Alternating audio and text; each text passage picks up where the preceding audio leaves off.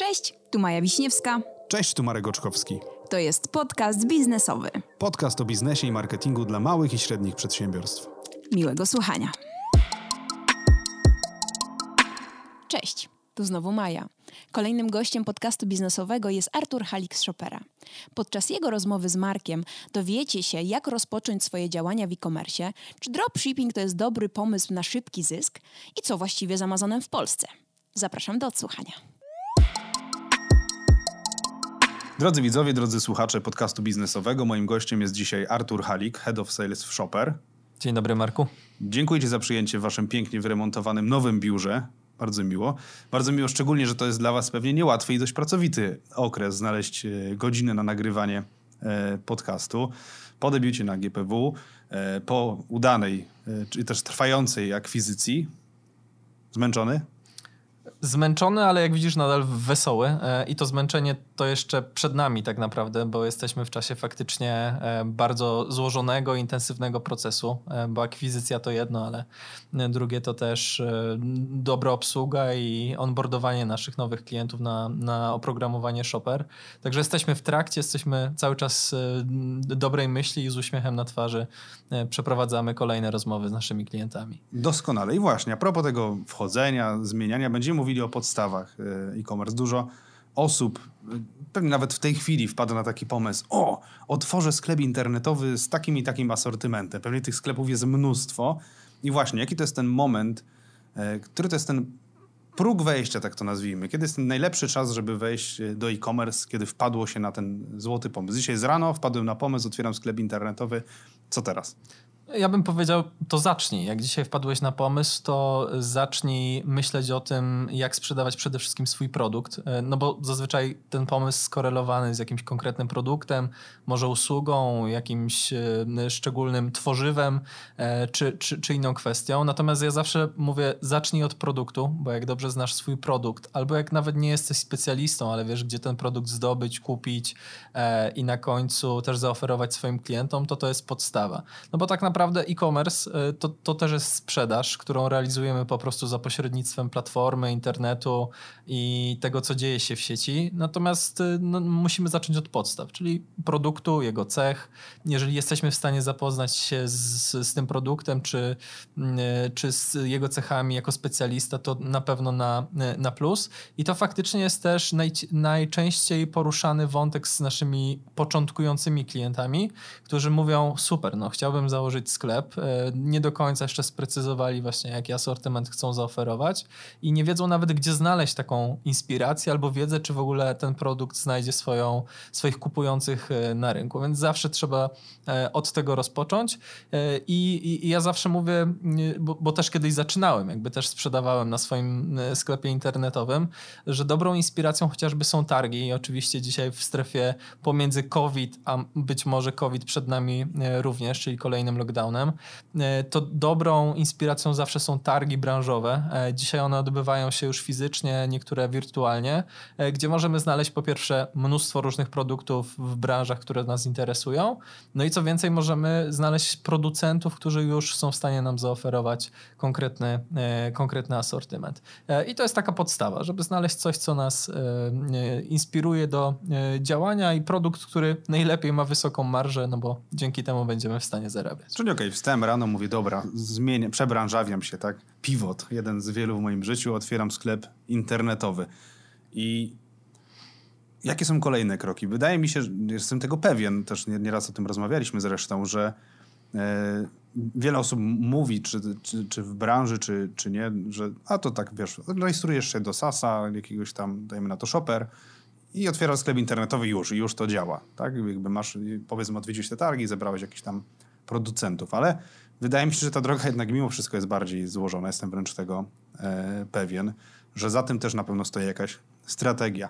Więc jakie powinny być Twoim zdaniem pierwsze kroki e, w tym biznesie e-commerce'owym? Tak? Poza tym, że już ktoś rzeczywiście zaopatrzył się jakiś w asortyment, e, swój, otworzył swój pierwszy magazyn w postaci garażu e, przydomowego i co teraz?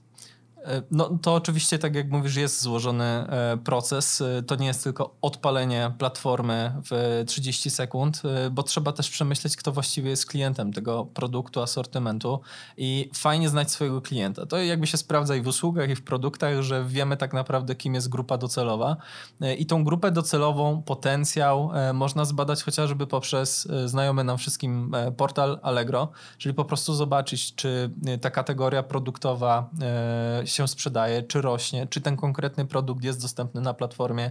I też w prosty sposób dzięki temu można zbadać, czy on jest popularny, czy po prostu się sprzedaje. E, drugą rzeczą, e, która łączy się jakby ze sprzedażą samego produktu, to no, pomyślenie, w jaki sposób go opakować, bo nie wiem, czy zauważyłeś, jest gro sprzedawców, którzy działają e, albo właśnie mając ten garaż, o którym wspomniałeś, ale też gro sprzedawców działa w modelu dropshippingowym, czyli nie ma tego produktu na stanie, ale oferuje go swoim klientom klientom, później zamawia bezpośrednio z hurtowni, wysyłając do, e, do klienta e, końcowego. Natomiast e, jeden i drugi jakby model oparty jest często o ten sam produkt, który można w różnoraki sposób opakować. Są takie sklepy, które sprzedając znanej marki buty, niosą mhm. za sobą z tym taką historię, która jest niepowtarzalna i zdjęcia, które przedstawiają ten produkt, których nie znajdziesz na innym sklepie. I to często jest też taką mm, wiarygodnością, rzetelnością e, która pozwala takim sklepom generować oczywiście fajne obroty, ale też mieć takich fanów wśród klientów, którzy nie kupują tylko dlatego, że chcą mieć fajne buty, ale też ufają tej marce, e, czy e, po prostu doceniają to, że ktoś poświęca trochę więcej czasu niż import produktów z defaultowymi zdjęciami, czy niezmienionymi, niezedytowanymi opisami i dzięki temu starają się taką markę wesprzeć. E, po opracowaniu takiej strategii, posiadaniu produktu i zbadaniu grupy odbiorców, no to później musimy jeszcze przemyśleć, jak będzie wyglądać logistyka i przyjmowanie płatności. I to są znowu takie podstawy podstaw. E, ja zawsze w, w rozmowach sprowadzam to do e, takich własnych preferencji. Ja osobiście, no dzisiaj jesteśmy w biurze, jak z biura, o dzisiaj będę wracał, będę odbierał paczkę z paczkomatu, no bo jakby nie jestem w stanie, będąc na spotkaniach czy, czy gdzieś w trasie, czekać na kuriera, ale to jest moja własna preferencja. Jeżeli na sklepie internetowym nie widzę paczkomatu, no to po prostu zmieniam sklep, przechodzę na inny e, i tam kupuję. Czyli jakby cena już nie, nie, nie gra roli, jakby nie jest jedynym e, takim czynnikiem, który wpływa na zakup, ale te płatności są też e, ważną, ważną kwestią, tym bardziej, że powstają różne metody, różne sposoby na to, żeby produkt już dzisiaj mieć, a mhm. zapłacić na przykład za 30 dni. E, i mamy dzięki temu komfort takiego nieposiadania cashu w kieszeni. Tak, i te płatności też są bardzo szybkie, co zauważyłem, tak. bo, bo, korzystam nawet nie ze względu na to, żeby odroczyć jakąś płatność, czyli jakby nie, nie korzystam z głównej funkcji tego rozwiązania. Oczywiście jest to wygodne i daje taki pewien komfort psychiczny, wow, coś posiadam, pieniądze nie zeszły z konta. Drugi powód to oczywiście to, że w łatwy sposób mogę coś zwrócić bez żadnego cash flow, nic tak. się nie, nie, nie dzieje z moimi pieniędzmi, a towar y, już został zwrócony na przykład w międzyczasie. E, ale dwa to właśnie ten sposób płatności jest bardzo szybki. Tak? I kolejnym szybkim sposobem płatności jest Blik, tak, który ma teraz e, penetrację na polskim rynku na poziomie około chyba 30% tak. wśród, wśród płatności, co, co robi e, niesamowite wrażenie. Ja właśnie a propos tych, tych zmian takich, które teraz właśnie Bliki, PayPal, Klarny i tak dalej, z tego, tego, tych narzędzi trochę od, odroczonych płatności na, na rynku i to są ostatnie dwa lata powiedzmy. Ja te dwa lata też zamykam w pewną klamrę pandemiczną. Wiemy, że to jest też niesamowity okres e, boomu takiego e-commerce'owego, coś, co się jeszcze w przeszłości raczej nie zdarzyło e, w tej branży. I jak z punktu widzenia Artura Halika zmienił się e-commerce przez ostatnie dwa lata? No myślę, że przede wszystkim e-commerce stawia na trafienie w potrzeby. To znaczy te rozwiązania, o których mówisz, wynikają z potrzeb klientów e, i one co więcej nie idą już tylko w kierunku potrzeb klientów, ale też w kierunku potrzeb sprzedających, bo nie wiem, czy zauważyłeś i to też notabene jest często poruszany wątek wśród naszych małych klientów, że chcieliby zacząć, co więcej już mają super dostawcę, super producenta, ale nie mają cashu do tego, żeby kupić towar. I powstają już rozwiązania, taka odroczona płatność tylko dla sprzedającego które pozwalają kupić mi towar, podzielić się zyskiem e, i na końcu funkcjonować. Natomiast myślę, że te rozwiązania e, właśnie wynikają z potrzeb konkretnych grup klientów, czyli z tych, którzy mają e, cash w kieszeni i są w stanie go wydać, ci, którzy niekoniecznie mają, ale chcieliby odroczyć swoją płatność, albo, i to myślę też jest wyzwanie dla e-commerce'u, to o czym wspominasz, czyli zamawiam 10 różnych bluz czy 10 t-shirtów z, z Answera z PayPal. Sprzedawcy go nienawidzą. Tak, dokładnie. Sprzedawcy go nienawidzą. Natomiast no, jakby to się dzieje i to jest taka trochę, no brzydko powiem, ale darmowa przymierzalnia, y, która funkcjonuje i to też jest potrzeba. To znaczy są osoby, które nie są w stanie pojechać do galerii, przymierzyć z różnych względów oczywiście 10 e, produktów, tylko po prostu zrobią to w domu. Te, które nie będą sprawdzone, nie będą pasowały po prostu e, odejść. No, no i te rozwiązania właśnie uderzają w konkretne e, potrzeby e, tych klientów i dlatego, dlatego powstają. Myślę, że kolejną taką potrzebą, trochę automatyzacją i, i, taką przyszłością będzie chociażby płatność subskrypcyjna, mhm. czyli kupuję kawę chociażby na, na podstawie abonamentu i ona przychodzi do mnie z automatu. E, są już też takie systemy giftowe, czyli jakby chcę sobie zrobić co miesiąc fajny gift, on będzie losowy, tak zwany mystery box, e, coś tam fajnego znajdę i kupuję w subskrypcji ze stówę i przychodzi mi za każdym razem w miesiącu niespodzianka. I druga rzecz, która myślę też jest taką przyszłością e-commerce i, i, i, jakby tych systemów, które powstają, to jest taki voice e-commerce, czyli że ja już zamawiam jadąc w samochodzie, mówiąc do mm, telefonu czy do innego urządzenia, że potrzebuję na jutro konkretnych produktów. I to taka przyszłość, która też wynika z naszych potrzeb. To znaczy żyjemy coraz szybciej w erze internetu, w erze e, świata takiego wirtualnego i często nie mamy czasu nawet na te proste, proste rzeczy. A jak z, twojego punktu widzenia, jakby e-commerce urósł bardzo przez ostatnie dwa lata. Przepraszam, nie sprawdziłem wyników badań, pewnie zaraz ty możesz rzucić jakąś liczbą przy, przypadkiem e, związaną z wami. E, jak to twoim, z twojego punktu widzenia, jak zmieniło się postrzeganie sprzedawców?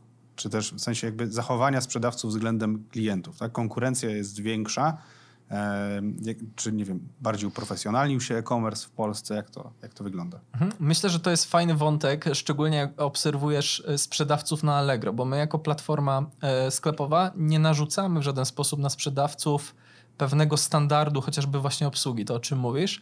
Natomiast Allegro, no jako kreator też tego e, rynku e-commerce'owego, często zmienia te zasady dla swoich sprzedawców, kreując pewne standardy. One wynikają oczywiście z potrzeb znowu kupujących, ale jeżeli Allegro na przykład, na, na co często też sprzedawcy narzekają, wymagają tego, żebyś maksymalnie w przeciągu 24 godzin odpowiedział na wątek, który się rozpoczął od klienta, to oznacza, że po pierwsze klient tego oczekuje, a po drugie, że w takim kierunku zmierzamy. Musimy szybko odpowiadać na wątki, które klient e, porusza.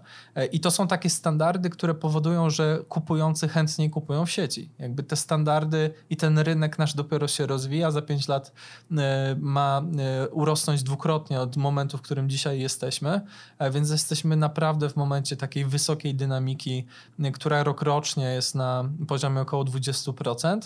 Co więcej, patrząc na rynki zachodnie czy na Stany Zjednoczone, naprawdę mamy sporo do, do nadrobienia, sporo do zrobienia, bo część Polaków w ogóle jeszcze nie kupuje w sieci, część kupuje, ale nieregularnie, no i sam ma wartość tego rynku. No, nie jest jeszcze astronomicznie duża, nie jest udziałem jakby całego, całego retailu, który dzisiaj e, mają. Natomiast to, co się zmienia, te standardy, te, te zasady, które y, Allegro wdraża, ale to na końcu ma pewien impact na cały rynek, wynikają z pewnego, y, z pewnych potrzeb y, kupujących i tak naprawdę tych potrzeb, które mają właśnie na rynkach zachodnich czy, czy w Stanach. Okej, okay, wróćmy do tego tematu wchodzenia w biznes.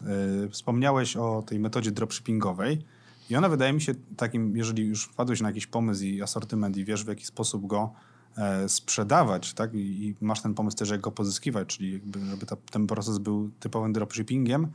Wydaje mi się, że tu jednak jest pewna pułapka e, szybkiego zysku. Bardzo często jakby wpadam też w wir jakichś reklam na Facebooku, które opowiadają o tym, jaki sukces może przynieść dropshipping e, i nie do końca w to wierzę. Może przeko przekonaj mnie albo, albo przedstaw naszym słuchaczom, jakie twoim zdaniem są zagrożenia w dropshippingu w erze właśnie tego, że osoby, które zainteresowane są e-commerce'em, E, są tak bardzo często karmione reklamami o dropshippingu i tym, jaki on komuś przyniósł e, sukces. Szybko po, nawiążę, o jakiej reklamie mówię. Nie wiem, czy kojarzysz takie klikacze bardzo popularne w tym, e, w tym sezonie wśród dzieci są e, klikacze sensoryczne. Mhm. Jeden z sprzedawców, który, który właśnie w tej formie współpracował, chwali się swoim sukcesem na, na Facebooku. Ok, trafiłeś w sezonowy produkt, zarobiłeś bardzo dużo pieniędzy potencjalnie, ale znikoma jest szansa, że ktoś to powtórzy.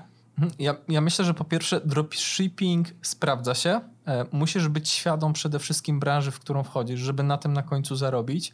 Jest świetną metodą do tego, żeby po pierwsze sprawdzić, czy ta branża, czy ten produkt ma sens w internecie i po drugie, żeby nauczyć się e-commerce'u.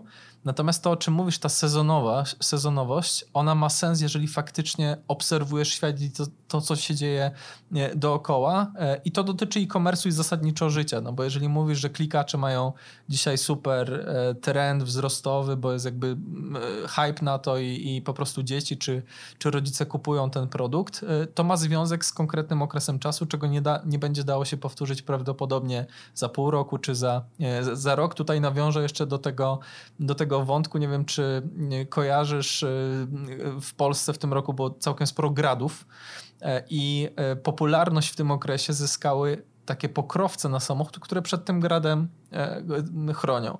Natomiast to też był jakby okresowy trend, no bo jakby było to związane z obecną sytuacją e, pogodową w Polsce, no i jakby on jest niepowtarzalny, przynajmniej już nie w tym roku, bo prawdopodobnie tych gradów już tak dużo, e, tak dużo nie będzie. Natomiast dropshipping, jeżeli mamy dobrych dostawców, jesteśmy przekonani do po pierwsze jakości ich produktów, a po drugie do jasności, klarowności, spełnienia zasad, na które się umawiamy, czyli chociażby tego, że towar wyjdzie faktycznie w przeciągu 24 godzin do klienta i jesteśmy w stanie potwierdzić to umową czy, czy, czy jakąś słowną umową z takim dostawcą, e, to e, jednocześnie biorąc na barki te zasady, które funkcjonują, funkcjonują na rynku, czyli szybkiej dostawy, dobrej dostawy, dobrej jakości produktu, mamy pewność, że przynajmniej w tym względzie nie zawiedziemy. Natomiast druga rzecz to jest kwestia kosztów i w ogóle opłacalności tego biznesu.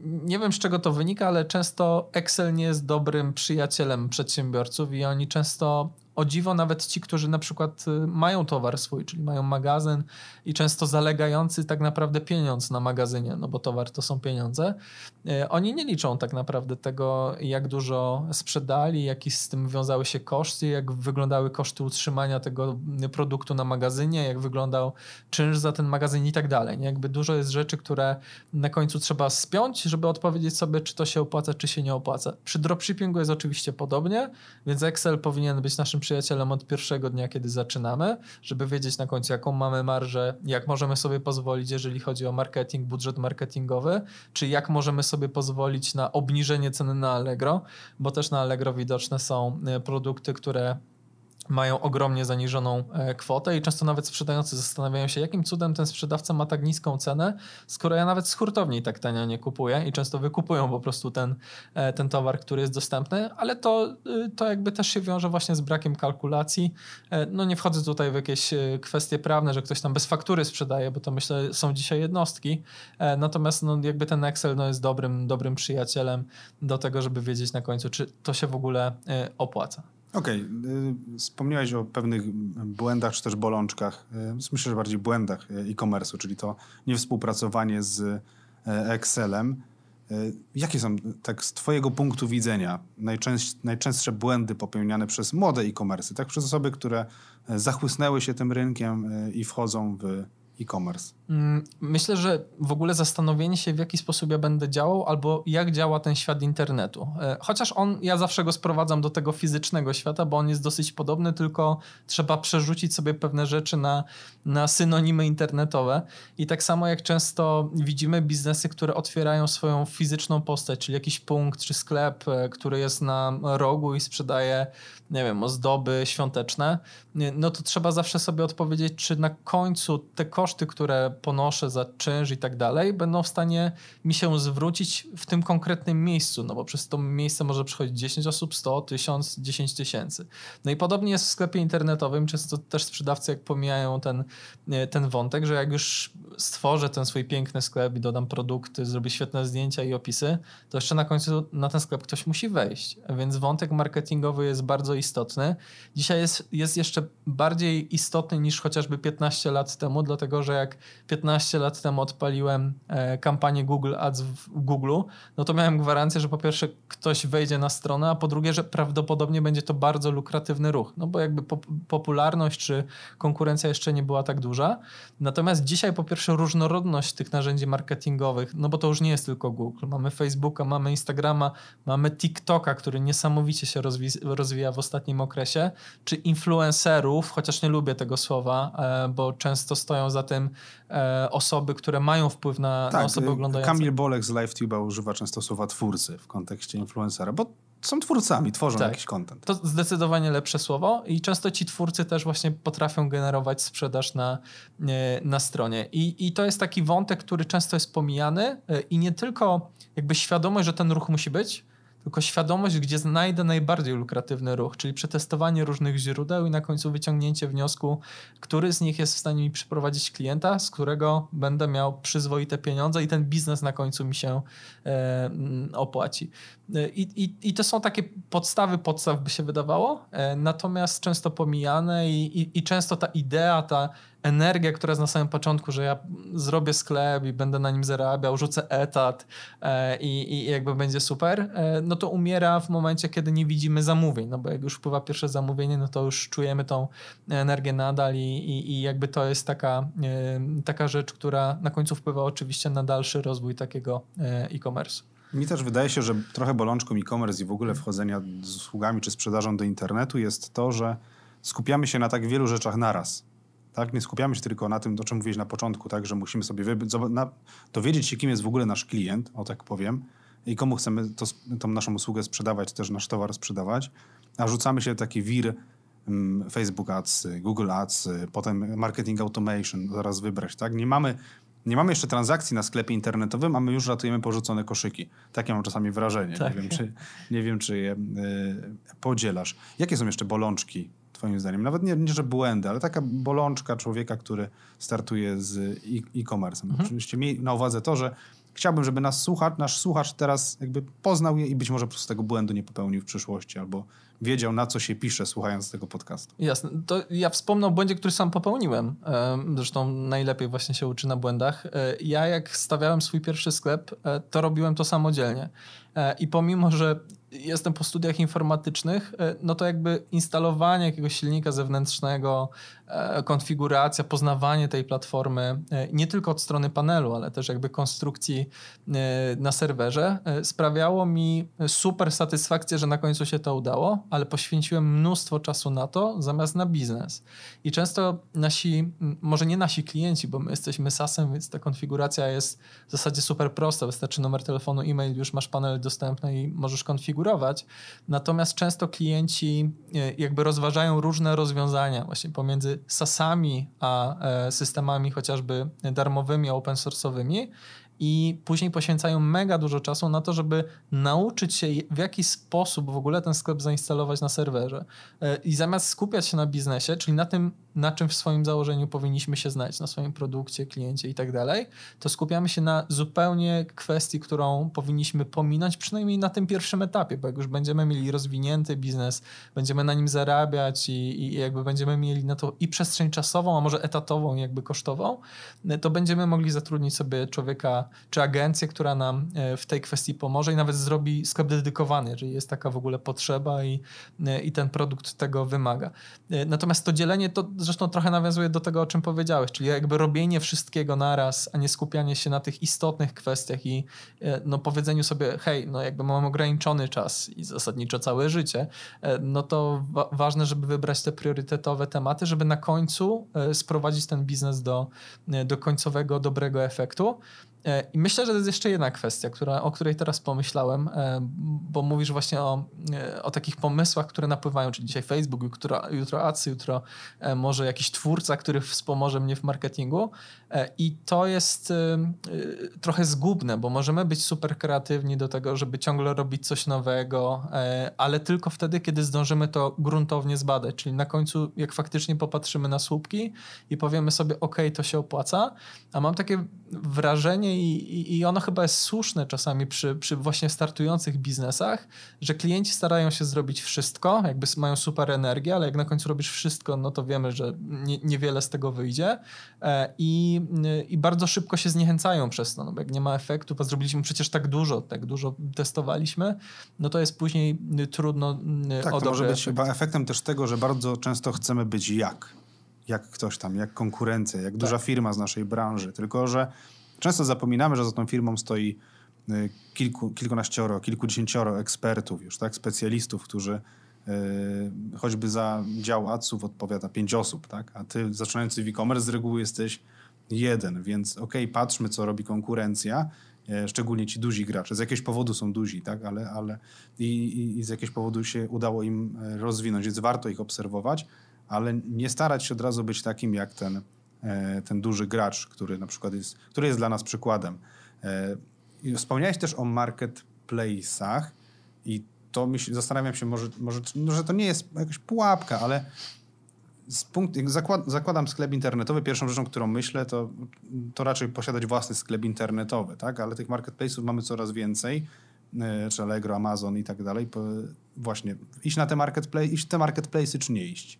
Oczywiście iść. No to będę wchodzą kolejne, nie wiem czy słyszałeś e, o wejściu kolejnych na polski rynek, prócz Amazona, który też miał dosyć takie huczne wejście. Na razie też nie widać, żeby żeby miał spory udział jakby w, w, obrotach jakby polskiego rynku. Ja mam wrażenie, że stoi i się przygląda, że no nie, wszedł na imprezę, wiesz, Nie chciałem tego wszedł powiedzieć. na imprezę, na której jest Allegro i, i kilku mniejszych graczy i tak sobie stoi i się przygląda. I ja czekam właśnie na ten moment, kiedy on przestanie się przyglądać, a podejdzie do DJ-a i powie teraz będziecie tańczyć tak, jak ja wam zagram. Tak, faktycznie może tak być. Jakby znając Amazona, może faktycznie tak być, że w końcu wejdzie na tą imprezę i, i będzie grał główne skrzypce. Natomiast czy wchodzić? Oczywiście, że tak. E, każde źródło zamówień jest dobre. Na końcu oczywiście musimy rozważyć, czy to źródło jest dla nas po pierwsze opłacalne i nie mówię tutaj tylko o takim przeliczeniu marży i popatrzeniu, o wpłynęło zamówienie za 1000 zł, zarobiliśmy e, z tego, nie wiem, stówę e, i patrzenie jakby krótkoterminowo, no bo każdy marketplace tak naprawdę generuje zamówienia i klientów na marketplace. To nie są twoi klienci, to są klienci marketplace'u. Natomiast na własnym sklepie internetowym generujesz zamówienia i pozyskujesz klientów swoich klientów, czyli możesz do nich wrócić, możesz do nich wysłać maila, możesz do nich wysłać SMS-a, e, możesz e, z tego klienta tak naprawdę zarobić więcej niż to 100 zł przysłowiowe, e, czy, czy właśnie nawiązując do e, tych wcześniejszych kwestii, żeby on po prostu pozostał fanem twojej marki, czyli jakby będzie z tobą związany na stałe. Natomiast czy wchodzić oczywiście tak, bo po pierwsze nauczymy się życia w e-commerce, jeżeli jesteśmy początkującym, zobaczymy jak ten świat działa. Druga rzecz to nauczymy się dobrych standardów, no bo chociażby Allegro, a Amazon tym bardziej, jakby naciska na sprzedawców, tam też nie jest tak prosto e, wejść, jeżeli jesteśmy początkującym, natomiast naciski na sprzedawców, czy e, takie standardowe ustawienia dotyczące, nie wiem, zwrotów, czy żeby na naszych ofertach był dostępny Allegro Smart, e, czy żeby nasze oceny, czy nasza trafność, która jest takim algorytmem ofert i popularności naszych ofert na Allegro była wysoka, no to musimy je spełniać i później przerzucić je trochę na ten standard, który mamy na sklepie. No bo skoro na Allegro się sprzedaje i te standardy są dobre, to znaczy, że na sklepie y, będą one po podobnie funkcjonować, albo przynajmniej powinniśmy dążyć do tego, żeby te standardy y, podciągać. Natomiast y, jeszcze nawiązując do marketplace'ów, każde źródło zamówień jest dobre, dlatego że dywersyfikacja ryzyka, że nie daj Bóg, któreś z nich nam powie, hej, już więcej ci nie dowieziemy zamówień. Czyli na przykład, jeżeli Allegro zablokuje nam z jakiegoś powodu konto, e, czy Amazon, e, no to pozostaje nam sklep, albo pozostaje nam Amazon, jak już nie ma Allegro, e, i dzięki temu jesteśmy bezpieczni. Oczywiście najbezpieczniej na, swojej, na swoim sklepie, bo mamy dostęp do klientów, czyli w razie czego, gdyby coś złego się działo, możemy nawet wyeksportować sobie listę tych klientów i napisać do nich maila, mając zgodę marketingową, hej, zrobiliśmy, nie wiem, jakąś inną rzecz. Dobrym przykładem są ostatnie blokady chociażby kont na YouTubie, hmm. o których było dosyć głośno, e, że ktoś prowadził konto na YouTubie no jakby został od, odcięty zupełnie od swoich, swojej publiczności, swoich, e, swoich słuchaczy. No i to jest podobnie, nie? Jakby dywersyfikacja ryzyka, że ktoś nas przypadkiem odetnie od źródła zamówień, no myślę jest dosyć bezpieczna. Okej, okay. ja wiem wszystko, prawie wszystko. To to czas na podsumowanie naszej e, rozmowy i podsumujemy ją w takich trzech żołnierskich e, punktach. Tak zaczęliśmy od tego rzeczywiście naszą rozmowę e, porannej toalety i wpadnięcia na pomysł otwieram e-commerce. Co wtedy?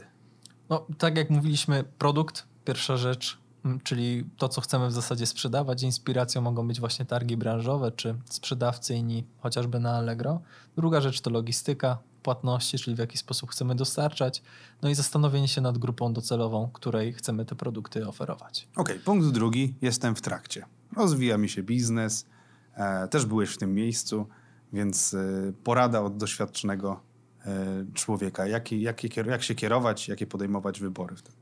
Czyli przede wszystkim szukamy nowego przyjaciela, który nazywa się Excel, i chcemy przede wszystkim badać, czy to nam wszystko się opłaca i skupiać się na biznesie. Czyli jeżeli nie znamy się na technologii, nie znamy się na adsach, nie chcemy poświęcać na to czasu albo wiemy, że to nam się nie opłaca, to po prostu zlecenie tego firmie, czy wybrać takie narzędzie, które nam, nas wspomoże w zakresie tego konkretnego tematu. I punkt numer trzy podsumowania.